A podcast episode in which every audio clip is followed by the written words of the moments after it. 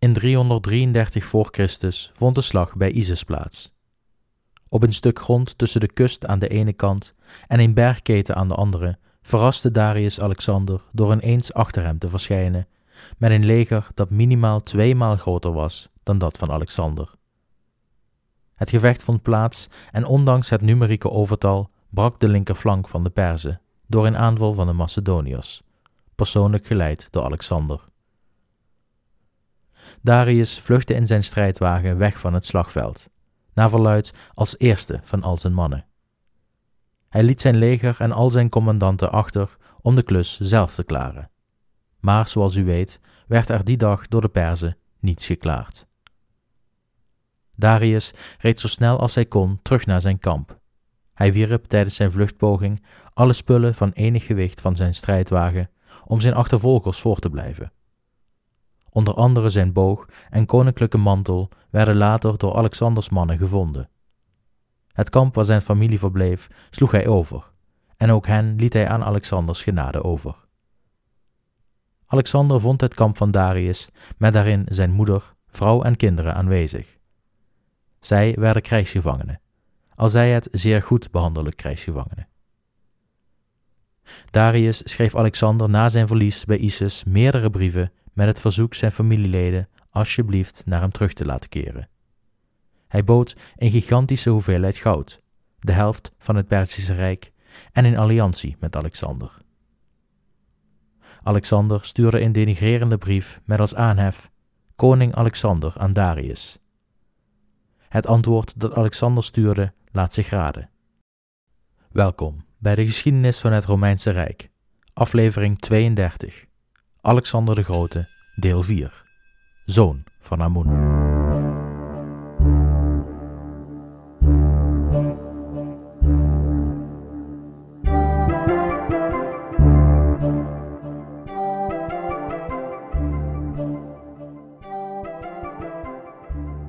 Koning Alexander aan Darius.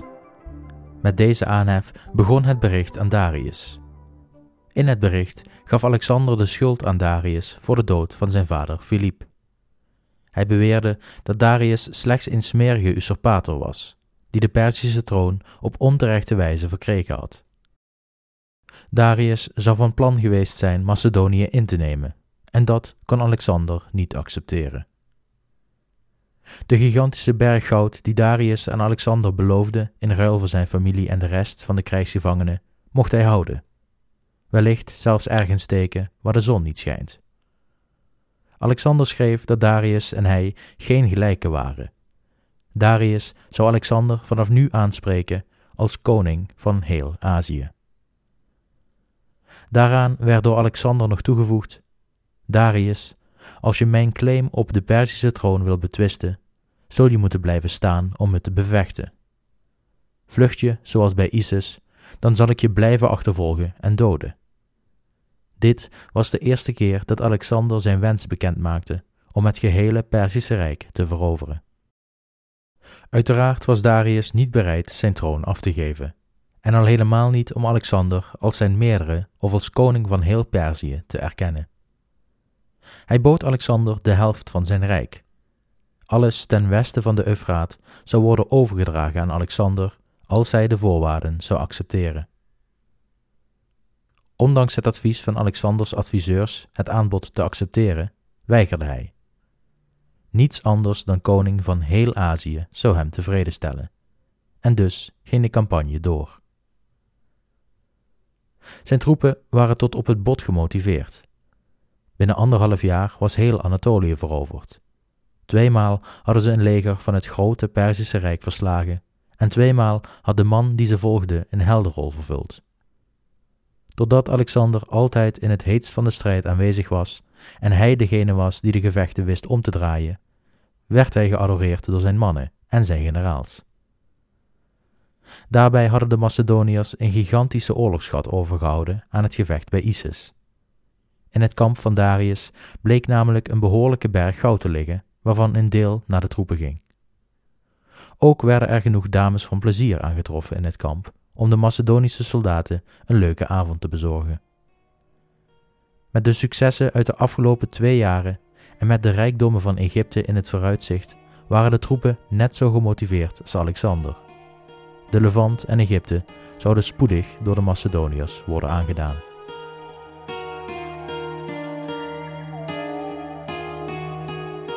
Hoofdstuk 7 De Levant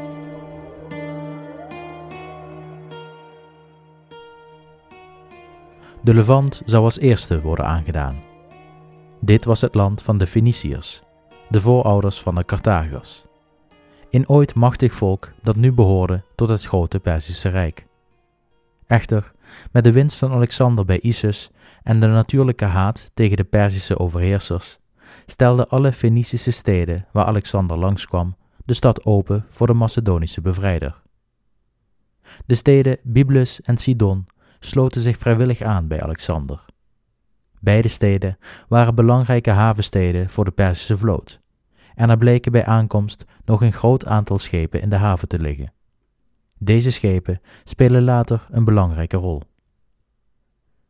Na kort te zijn verbleven bij de beide steden, trok Alexander verder zuidwaarts, op weg naar de hoofdstad van de Feniciërs, Tyre. Tyre is een stad die gedeeltelijk gesitueerd is op het vasteland en gedeeltelijk gebouwd op een rots of verhoging midden in zee, één kilometer van de kust vandaan. Onderweg kwamen er boodschappers uit Tyre naar Alexander toe. Ze vroegen hem wat Alexander hen beval te doen. Tyre zou zich volledig aan de bevelen van Alexander overgeven. Alexander zei dat hij de wens had de tempel van Herakles te bezoeken. De tempel, gelegen in het deel van de stad dat op zee lag, was de oudste tempel gewijd aan Herakles en een offer hier zou de campagne van Alexander wel eens kunnen helpen. De boodschappers trokken zich terug naar Tyre om de wens kenbaar te maken. Maar toen zij bij Alexander terugkeerden, hadden ze een onverwachte boodschap. Tyre en haar bevolking wensen ieder ander bevel van Alexander te verwezenlijken, zolang er maar geen Macedoniër of Perziër de stad in komt. Het antwoord van Tyre heeft te maken met de onduidelijkheid van de oorlog. Men wist simpelweg niet wie de overwinnaar zou worden, en als gevolg daarvan was men bang voor represailles wanneer ze de verliezende kant zouden aanhangen. Dus besloten ze niemand de stad in te laten en te wachten tot de oorlog voorbij was om zich dan aan te sluiten bij de winnaar. Alexander was woest over het antwoord van Tyre. Direct riep hij zijn naaste adviseurs bij elkaar en haalde hij hen over de stad aan te vallen. Hij stelde dat wanneer Tyre zou vallen, de rest van de provincie ook onder Macedonisch gezag zou komen te staan. Wanneer zij Tyre zouden laten bestaan zoals ze nu bestond, zou dat de invasie van Egypte en het Perzische binnenland in gevaar brengen. Tyre kon voor hetzelfde geld, wanneer Alexander vertrokken was naar het Perzische binnenland, makkelijk voor de Perzen kiezen met de maritieme kracht van de Feniciërs zouden de Perzen dan weer voldoende schepen en mannen hebben om Griekenland aan te vallen, of om bevoorradingslijnen af te snijden. Deze zeer korte en basale samenvatting doet geen recht aan de goed doordachte speech van Alexander. En ik raad u aan even naar de website te gaan om de hele beredenering te lezen. Het laat zien dat Alexander een groot tactisch besef had. Hoe dan ook, de adviseurs en generaals werden overtuigd van de noodzaak om Tieren te belegeren. Alleen, Tieren lag een kilometer verwijderd van de kust, met hoge muren die direct aan de watergrens gebouwd waren, met slechts enkele rotsen tussen muur en zee. Daarbij kwam dat de Feniciërs het grootste gedeelte van de Perzische vloot hadden uitgemaakt. De schepen voeren dan wellicht niet meer onder de Perzische vlag, maar in de verdediging van de stad zouden deze zeker worden ingezet. Op zee hadden de Feniciërs dus de overmacht, en een blokkade van de haven was ook niet haalbaar. Intussen was het eiland overspoeld met inwoners van de stad op het vasteland, bang voor de toren van Alexander. Duizenden van hen werden op boten geladen en naar Carthago gestuurd, de voormalige Fenicische kolonie, met het verzoek hulp te sturen naar de hoofdstad van hun voorvaders. Gezien Alexander de stad niet per boot kon aanvallen, moest de aanval via land komen. Maar hoe? Voor even leek de belegering onmogelijk. Maar Alexander kreeg een goddelijke boodschap tijdens zijn slaap. In een droom liep Alexander richting het strand om de stad Tyre te bekijken, toen ineens Herakles voor hem verscheen en zijn rechterarm naar hem uitstak. Alexander nam zijn hand en werd meegevoerd over het water richting de stad. Dit duidelijk goddelijke voorteken was genoeg voor Alexander om te weten wat moest gebeuren.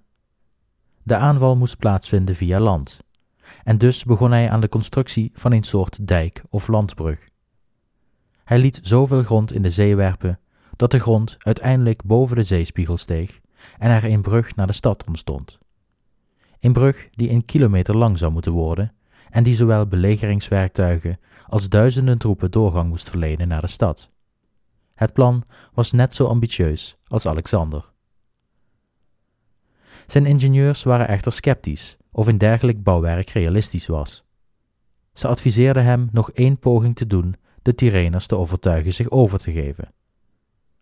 Alexander stuurde boodschappers per boot naar de stad en zag tot zijn grootste verbazing dat zijn mannen een tijdje later van de 45 meter hoge stadsmuur geworpen werden, op de rotsen uit elkaar spatten en vervolgens werden weggewassen door de zee. Na deze openlijke daad van vijandigheid was de maat vol, en witheid beval Alexander te beginnen met de bouw en de belegering. De bouw ging voortvarend van start. Vroeger was Tieren verbonden met het vasteland middels een natuurlijke landbrug, maar deze was na verloop der eeuwen onder water komen te staan. Op de verhoging van deze landbrug werd nu de landbrug van Alexander gebouwd. Maar hoe dichter de landbrug bij Tieren geraakte, hoe dieper de zee werd en hoe moeilijker de bouw.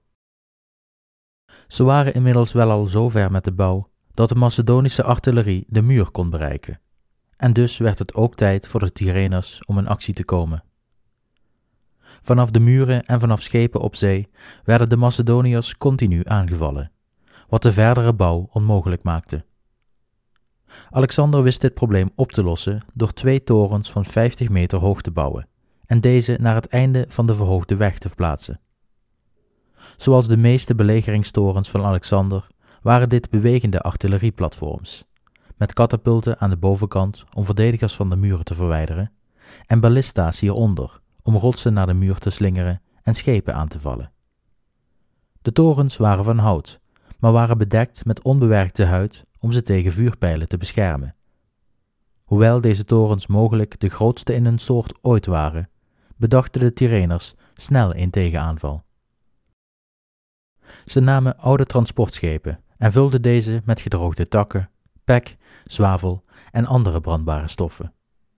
Vervolgens hingen ze ketels olie aan de masten, zodat deze op het dek zouden vallen als de masten zouden doorbranden. Ze plaatsten het gewicht van het schip in het achterste deel, zodat het voorste gedeelte boven het water rees. Vervolgens staken ze de schepen in brand en lieten ze deze met hoge snelheid de landbrug opvaren. Het vuur deed vervolgens het werk. De masten brandden snel door, de potten met olie vielen op het dek en het hele schip en alles daarbij in de buurt stond in lichterlaaien. De torens en de rest van het materiaal op de landbrug vatten vlam en werden verwoest. Vervolgens vielen de Tyreners via schepen de toegesnelde Macedoniërs aan die het vuur probeerden te doven. De tegenaanval was een doorslaand succes. Na deze tegenslag raakte Alexander ervan overtuigd dat hij Tieren niet zou kunnen innemen zonder een marine. Zijn eerdere overwinning bij Isis en de daaropvolgende veroveringen van de Fenicische stadstaten Byblos, Arwad en Sidon hadden er echter toe geleid dat de vloten van deze steden, die het grootste deel van de Perzische marine hadden uitgemaakt, onder zijn vlag kwamen.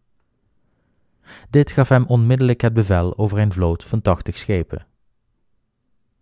Deze ontwikkeling viel ook samen met de komst van 120 oorlogsschepen, gestuurd door de koning van Cyprus, die van zijn overwinningen had gehoord en zich bij hem wilde aansluiten.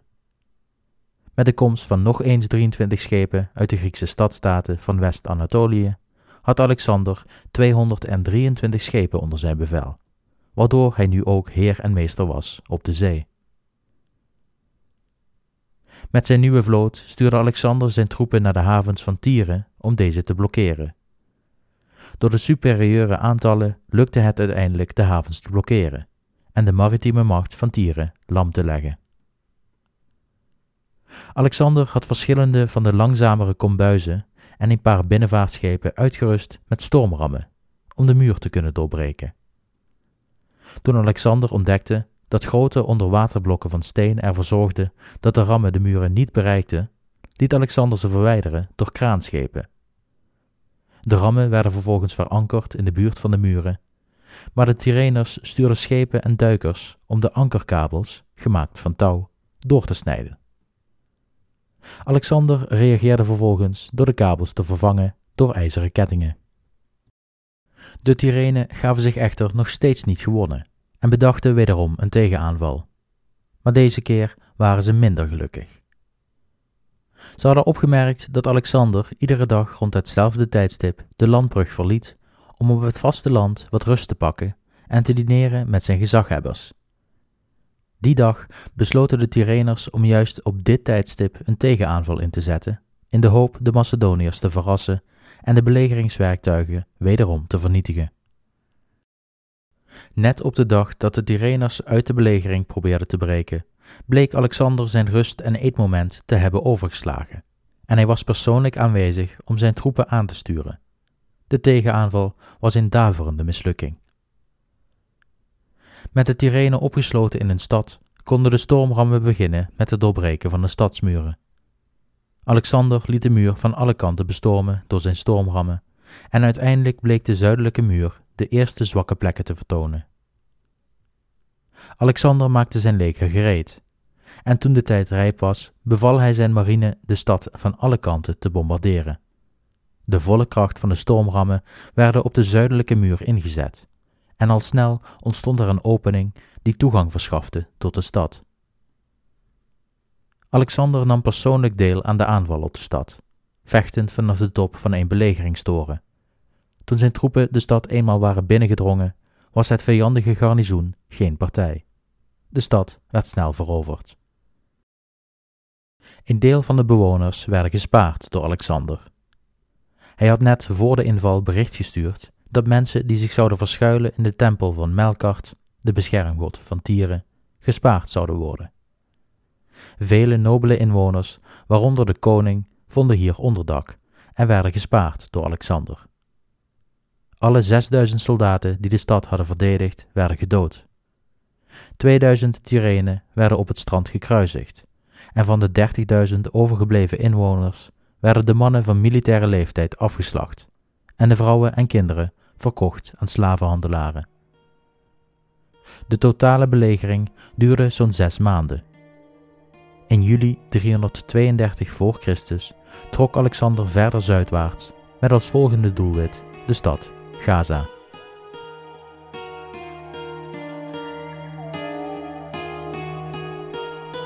Hoofdstuk 8 Egypte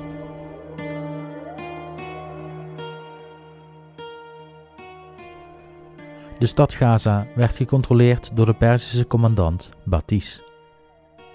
Gaza was een verhoogde vestigingsstad, zo'n 50 meter boven de zeespiegel, welke al van oudsher werd gebruikt als uitvalsbasis om het omliggende gebied te kunnen controleren. Na de overwinning bij Tieren wist Batis dat Alexander langs de kust naar Egypte op weg was, en hij versterkte de stad en zorgde voor provisies. Hij verwachtte dus een lange belegering, en het lijkt erop dat Batis op de hoogte was van Alexanders plan om alle kustprovincies veilig te stellen voordat hij het Perzische binnenland zou binnenvallen. Alexander kwam aan bij Gaza in oktober 332 voor Christus. Na het evalueren van de stadsmuren werden de zuidelijke muren bestempeld als het zwakst en de bouw van de belegeringswerktuigen kon beginnen. Op een dag, tijdens het beleg, braken de Gazanen uit het niets uit de poorten in een poging de vijandelijke belegeringswerktuigen aan te vallen en te vernietigen. Alexander leidde zijn wapenbroeders in de tegenaanval, en te nauwernood wisten ze de uitbraak neer te slaan. Maar Alexander raakte hierbij gewond aan zijn schouder. Niet lang daarna arriveerden de werktuigen die gebruikt waren bij Tieren, en had Alexander genoeg slagkracht om de bestorming van de stad te beginnen. Grote delen van de muur werden gesloopt, maar de Gazanen bleken een bitter volkje. Het benodigde maar liefst drie bestormingen voordat de stad eindelijk veroverd werd. Baptiste, een eunuch, weigerde zich over te geven aan Alexander. Toen Gaza werd ingenomen, werden de mannelijke bevolking aan het zwaard gezet en werden de vrouwen en kinderen in slavernij verkocht. Voor Baptiste stond echter een veel erger lot te wachten. Alexander was een groot bewonderaar van de werken van Homerus en de helden die hierin voorkwamen. Met name Achilles sprak Alexander aan. Alexander raakte na zijn overwinning langzaam maar zeker overtuigd dat ook hij voorbestemd was om een held te worden, zoals die van Homerus, halfgod met bovenmenselijke kwaliteiten. Om deze reden zocht hij naar manieren om de grootste daden van Achilles te evenaren. Hij zocht al een tijdje naar een persoon die zou kunnen fungeren als Hector uit het verhaal van Achilles. Hector was de kroonprins van Troje, welke na te zijn gedood door Achilles achter zijn strijdwagen werd gebonden om vervolgens voor de stadsmuur heen en weer gereden te worden. Dit wilde Alexander ook, maar hij had nog geen waardige tegenstander gevonden. Tot nu. Alexander, welke steeds vreder was geworden na jarenlange oorlog en bloedvergieten, bond Baptiste met een touw door zijn enkels. U hoort het goed, niet om, maar door de enkels, tussen het enkelbeen en de Achillespees, om hem achter zijn strijdwagen te hangen en net zo lang rondjes te rijden rond Gaza, tot het leven uit het lichaam was verdwenen. Na het verrichten van deze gruwelijke daad werd Gaza door Alexander opnieuw bevolkt en werd het gemaakt tot een stadstaat. De stad zou in de komende jaren uitbloeien tot het Hellenistische culturele centrum in de omgeving. Na de vijf maanden lange belegering van Gaza trok Alexander verder naar Egypte, zonder tegenstand. Hij zou eind 332 voor Christus aankomen bij de eerste grote Egyptische stad, Pelusium. De Egyptenaren waren een trots volk met een grootse geschiedenis. Duizenden jaren waren ze onafhankelijk geweest onder leiding van de grote farao's. Maar ook zij moesten zo'n 200 jaar voor Alexanders aankomst zwichten voor de macht van het Perzische Rijk. Egypte bleef echter altijd strijden voor de onafhankelijkheid. Met vele opstanden hadden ze geprobeerd onder het juk van de Perzen vandaan te komen, maar steeds zonder succes. Toen Alexander verscheen aan de poorten van Pelusium, zagen de Egyptenaren dan eindelijk een kans om los te breken van de Perzen, door zich te laten bevrijden door Alexander. De poorten van de stad werden voor de Macedonische koning geopend en Alexander kon zonder tegenstand de stad binnenmarcheren. Alexander werd gegroet door de gouverneur van Egypte. De gouverneur was als satraap van Egypte aangesteld door de Perzen. Bij het vernemen van Alexanders overwinning bij Isis, de beschamende vlucht van Darius en het feit dat hij geen Perzisch leger had om Egypte te verdedigen, besloot hij Alexander hartelijk te ontvangen. Alexanders verblijf in Egypte is een niet zo heel spannende. Hij marcheerde van Pelusium langs de Nijl naar de grote Egyptische stad Memphis.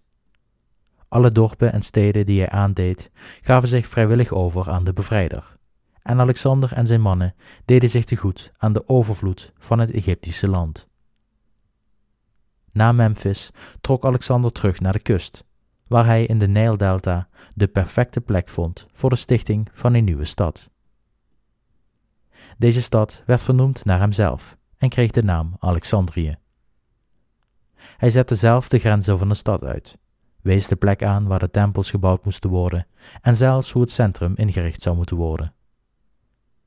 De stad zou na zijn vertrek en zijn dood uitgroeien tot de belangrijkste stad van Egypte, het centrum van de Hellenistische cultuur en het bestuurscentrum van de latere Romeinse provincie Egypte, met de beroemde bibliotheek, die helaas werd vernietigd door een vuurzee. Tijdens het verblijf in Egypte bewonderde Alexander de cultuur en de religie van de Egyptenaren, welke veel van dezelfde goden aanbaden als de Grieken. Een van deze goden was de god Amun, waarvan de Grieken geloofden dat dit een gedaante van Zeus was. Amun werd onder andere aanbeden door de Thebanen in Griekenland en in meerdere steden werd een standbeeld van Amun geplaatst, waaronder in Sparta. De tempel van Amun werd veel religieuze waarde toegedicht, en de tempel was gelegen diep in de woestijn in het uiterste westen van het Egyptische Rijk. Alexander, welke zich steeds meer zag als zoon van de goden, wenste dit orakel te bezoeken en vertrok met zijn leger vanuit de Nijldelta naar het westen.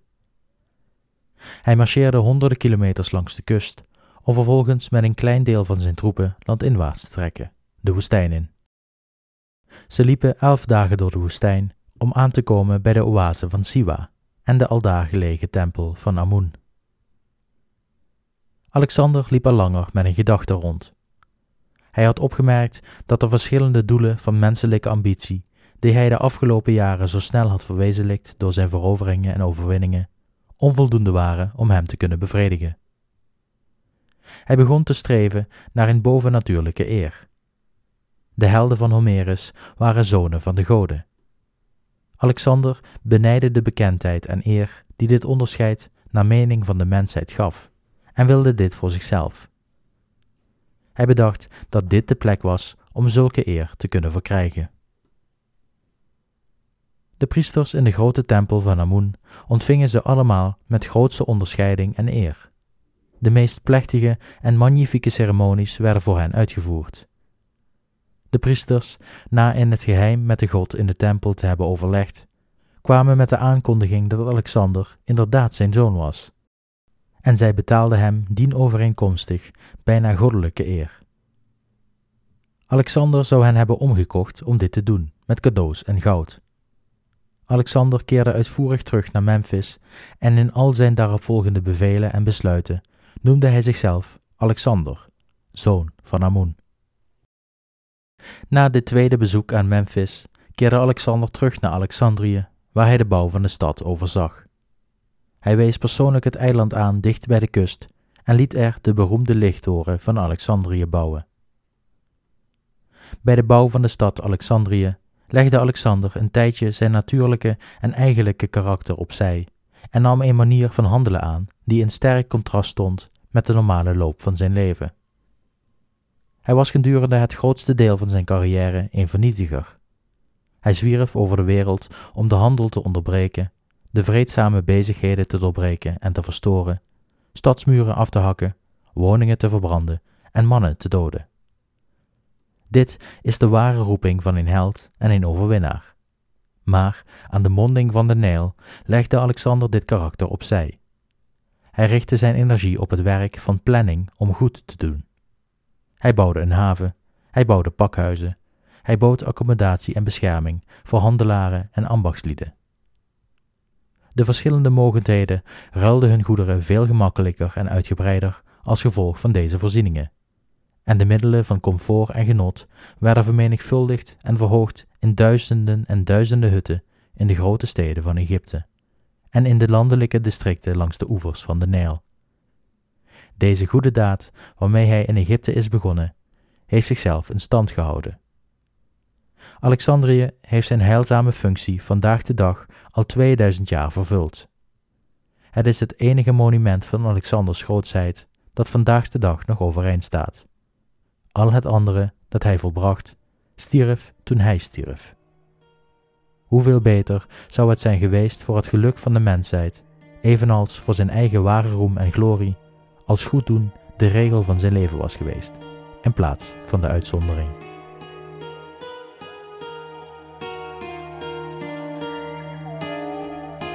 Hoofdstuk 9 De Mars naar het Oosten.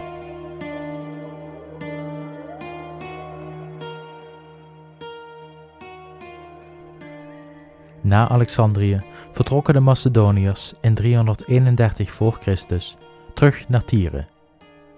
Hier organiseerde Alexander een bijeenkomst van alle bevelhebbers die hij had achtergelaten in de veroverde gebieden, om het bestuur van zijn rijk vorm te geven. Alexander was echter niet van plan zijn veroveringen hier op te geven. Darius, welke hij zag als zijn grootste vijand, liep nog steeds onbedwongen rond in Mesopotamië. Hij had zich teruggetrokken achter de Eufraat en was hier bezig met het verzamelen van een groot leger, bestaande uit soldaten afkomstig over zijn hele rijk, om met Alexander een allesbeslissend gevecht te laten plaatsvinden. Nadat Alexander in Tyre het bestuur van de veroverde provincies op orde had gebracht, begon zijn mars oostwaarts, op weg naar het gevecht dat alles zou beslissen. Al die tijd tussen de slag bij Isis en nu had Alexander de moeder, vrouw en dochters van Darius in gevangenschap. Hij behandelde ze, zoals gezegd, goed. Het was voor hem een grote eer dat hij deze prijs had weten te vangen als nagedachtenis van zijn overwinning, en het was voor hem dan ook belangrijk om deze prijzen goed te verzorgen. Zo kon hij ze tonen aan de buitenwereld als prachtige vangsten van zijn overwinningen. Maar in korte tijd na Alexanders vertrek uit Tyre werd de vrouw van Darius ineens ziek en stierf ze niet veel later. Alexander werd direct verteld over de dood van de vrouw en hij maakte zich direct naar haar tent. Hij vond hier Darius' moeder op de grond naast de vrouw. Ze weende oncontroleerbaar om het verlies. Alexander knielde aan haar zijde en probeerde haar in al zijn macht te troosten. Direct nadat de vrouw was gestorven, is een van haar Perzische dienaren het kamp van Alexander ontvlucht, op weg naar Darius, om hem te vertellen over de dood van zijn vrouw. Darius werd overrompeld door verdriet bij het horen van het nieuws. De dienaar vertelde Darius hierna over de aardige en respectvolle behandeling die de dames van Alexander hadden ontvangen gedurende hun hele gevangenschap, om zo zijn rouwende geest te verlichten en hem te troosten met zijn verlies. Darius uitte een zeer sterk gevoel van dankbaarheid voor Alexander, voor zijn vrijgevigheid en vriendelijkheid jegens zijn familie, en sprak naar verluid zelfs de volgende woorden. Als mijn koninkrijk moet worden veroverd, dan wens ik dat het in de handen zal vallen van een overwinnaar als Alexander. De mars naar het oosten zette voort. Via enkele steden die de droge vlakte van Syrië onderbraken, komt Alexander aan bij de rivier de Eufraat en de Tigris. Tussen deze twee wereldberoemde rivieren ligt een zeer vruchtbaar gebied, welke zeker in de tijd van Alexander zeer dicht bevolkt was. Dit gebied staat bekend als Mesopotamië, en in de hoofdstad van dit gebied, Babylon, had Darius zijn gigantische leger verzameld. Toen Alexander bij eerst de Eufraat aankwam, de meest westelijke van de twee rivieren, kwam hij tegenover een klein Perzisch leger die de overgang bewaakte. Bij het zien van Alexander verlieten ze hun post en spoedden zich zuidwaarts om Darius te waarschuwen. Alexander liet twee bruggen bouwen en stak de rivier over, waarmee hij zich toegang verschafte tot Mesopotamië. Bij het horen van Alexanders aankomst in Mesopotamië vertrok Darius met zijn leger uit Babylon en stak hij de Tigris over, de meest oostelijke rivier, op zoek naar een stuk land waar de twee elkaar voor een tweede maal konden ontmoeten. Hij stak de rivier over bij de stad Lycia, waar reeds een brug gebouwd was die zijn leger een veilige overtocht bood. Het duurde naar verluid vijf hele dagen voordat het voltallige leger van Darius de brug overgestoken was, hun weg noordwaarts vervolgend. Ook Alexander kwam aan bij de Tigris, honderden kilometers noordelijker. Een brug was er niet in het barre landschap. De oevers waren steil en de stroming was zo sterk dat de mannen groot gevaar liepen weggevaagd te worden. Om dit te voorkomen koppelden de rangen hun armen samen, zodat elke man door zijn kameraden in stand kon worden gehouden terwijl ze de rivier overstaken. Ze hielden hun uitrusting boven het hoofd om deze uit het water te houden. Alexander waarde zich net zoals de rest van zijn mannen door de sterke stroming. Hij ging als een van de eerste het water in en bereikte de overkant als eerste. Het geluid van de stroomwater was oorverdovend en deze steeg boven het stemgeluid van Alexander uit. Door driftig te wijzen gaf Alexander aanwijzingen aan zijn kolonne mannen om de overkant te kunnen bereiken. Ondanks deze aanmoediging veroorzaakte de passage van de troepen en de landing op de oever echter een scène van grote verwarring. Veel van de soldaten hadden een deel van hun kleding in bundels vastgebonden, die ze samen met hun armen boven hun hoofd hielden, terwijl ze zich door de sterke stroming waadden. De uitrusting die zij boven het hoofd hielden, maakte de overtocht nog moeilijker. En uiteindelijk moesten vele mannen deze bagage laten gaan om zichzelf te kunnen redden, terwijl ze zich over de gladde keien in weg naar de overkant baanden. Vele honderden pakketten uitrusting werden meegenomen door de rivier, maar de mannen haalden allemaal de overkant. Eenmaal aangekomen op de oever, zagen de Macedoniërs dat Darius nergens te bekennen was. Het plan van Darius was niet om Alexander tijdens zijn mars te onderscheppen, maar om een groot en gemakkelijk slagveld uit te kiezen, waar hij zijn troepen van tevoren kon rangschikken en waar hij zijn overtal maximaal kon benutten. Hij wist heel goed dat zijn vijand hem zou achtervolgen, waar hij ook was. En als gevolg hiervan wist hij ook dat hij derhalve het slagveld kon uitkiezen. Het slagveld dat hij zocht, vond hij bij de vlakte van Gaugamela, niet ver van de stad Arbela. Darius had enkele dagen om zijn troepen voor te bereiden op de slag. Hij liet oneffenheden op het slagveld vlak maken om het geschikter te maken voor zijn cavalerie en strijdwagens, en hij liet kampen opzetten. De toegangswegen naar de vlakte liet hij bewaken en bestrooien met kraaienpoten. Kleine ijzeren bolletjes met vier scherpe punten, waarvan er altijd één recht omhoog staat. Wanneer een paard op een van deze kraaienpoten terechtkomt, werd deze direct lam en uitgeschakeld. Darius zorgde ervoor dat deze kraaienpoten werden verspreid in het gras en langs de wegen waar het leger van Alexander waarschijnlijk vandaan zou komen. Alexander vervolgde zijn weg langs de oevers van de Tigris zuidwaarts. Macedonische verkenners zwierven zo ver als mogelijk in alle richtingen, op zoek naar tekenen van Darius zijn leger. Na drie dagen marcheren langs de rivier keerden enkele verkenners terug met informatie over het leger van Darius. Alexander trok naar voren met een deel van zijn leger om de tegenstander te ontmoeten. Het bleek echter niet om het hoofdlichaam van het leger van Darius te gaan, maar slechts om een enkel korps van duizend man dat voor de rest was uitgezonden. Ze trokken zich terug toen Alexander naderde, maar hij slaagde erin enkele ruiters te vangen die informatie gaven dat Darius zijn enorme troepenmacht op de vlakte van Gaugamela had verzameld en daar afwachtte in gereedheid om zijn naderende vijand strijd te leveren. Alexander liet zijn leger stoppen. Hij vormde een kamp om de overbodige bagage in achter te laten. Hij verfriste de mannen, onderzocht en repareerde hun uitrusting en organiseerde het leger voor de strijd. Deze voorbereiding duurde meerdere dagen aan het eind van die tijd, vroeg in de ochtend, lang voordat de zon opkwam, kwam het kamp in beweging. En de kolonne, gewapend en uitgerust voor onmiddellijke strijd, bewoog vooruit, op weg naar Darius.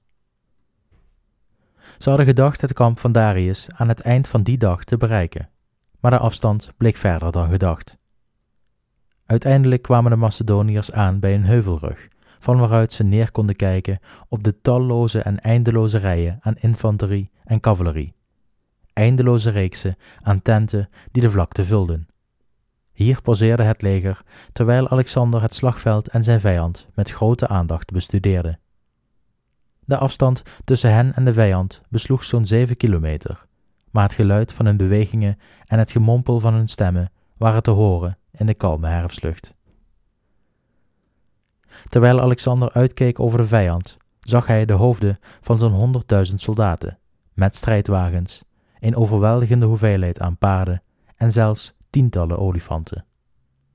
Zijn eigen mannen in de minderheid, voor iedere Macedoniër twee Perzen. Maar Alexander wist al voordat de slag zou beginnen dat hij zou overwinnen. Hij zou niet overgaan tot een verrassingsaanval in de nacht maar zijn tegenstander op klaarlichte dag frontaal en aangekondigd aanvallen. Hij wilde een eerlijke en eervolle overwinning. Het gevecht werd uitgesteld naar de volgende dag, en het resultaat van deze slag zou uitmaken wie de koning der koningen zou worden. Tijdens de volgende en laatste aflevering in de reeks van Alexander de Grote zullen we het belangrijkste gevecht uit Alexanders leven meemaken en zien we wie zich overwinnaar mag noemen. Blijft de verlang superieur of zien de Perzen kans de Macedoniërs te omsingelen met alle gevolgen van dien? Je hoort het in de volgende aflevering van de geschiedenis van het Romeinse Rijk. Zoals altijd worden we weer bedankt voor het luisteren en tot de volgende keer wanneer we terugkeren op de vlakte van Gaugamela.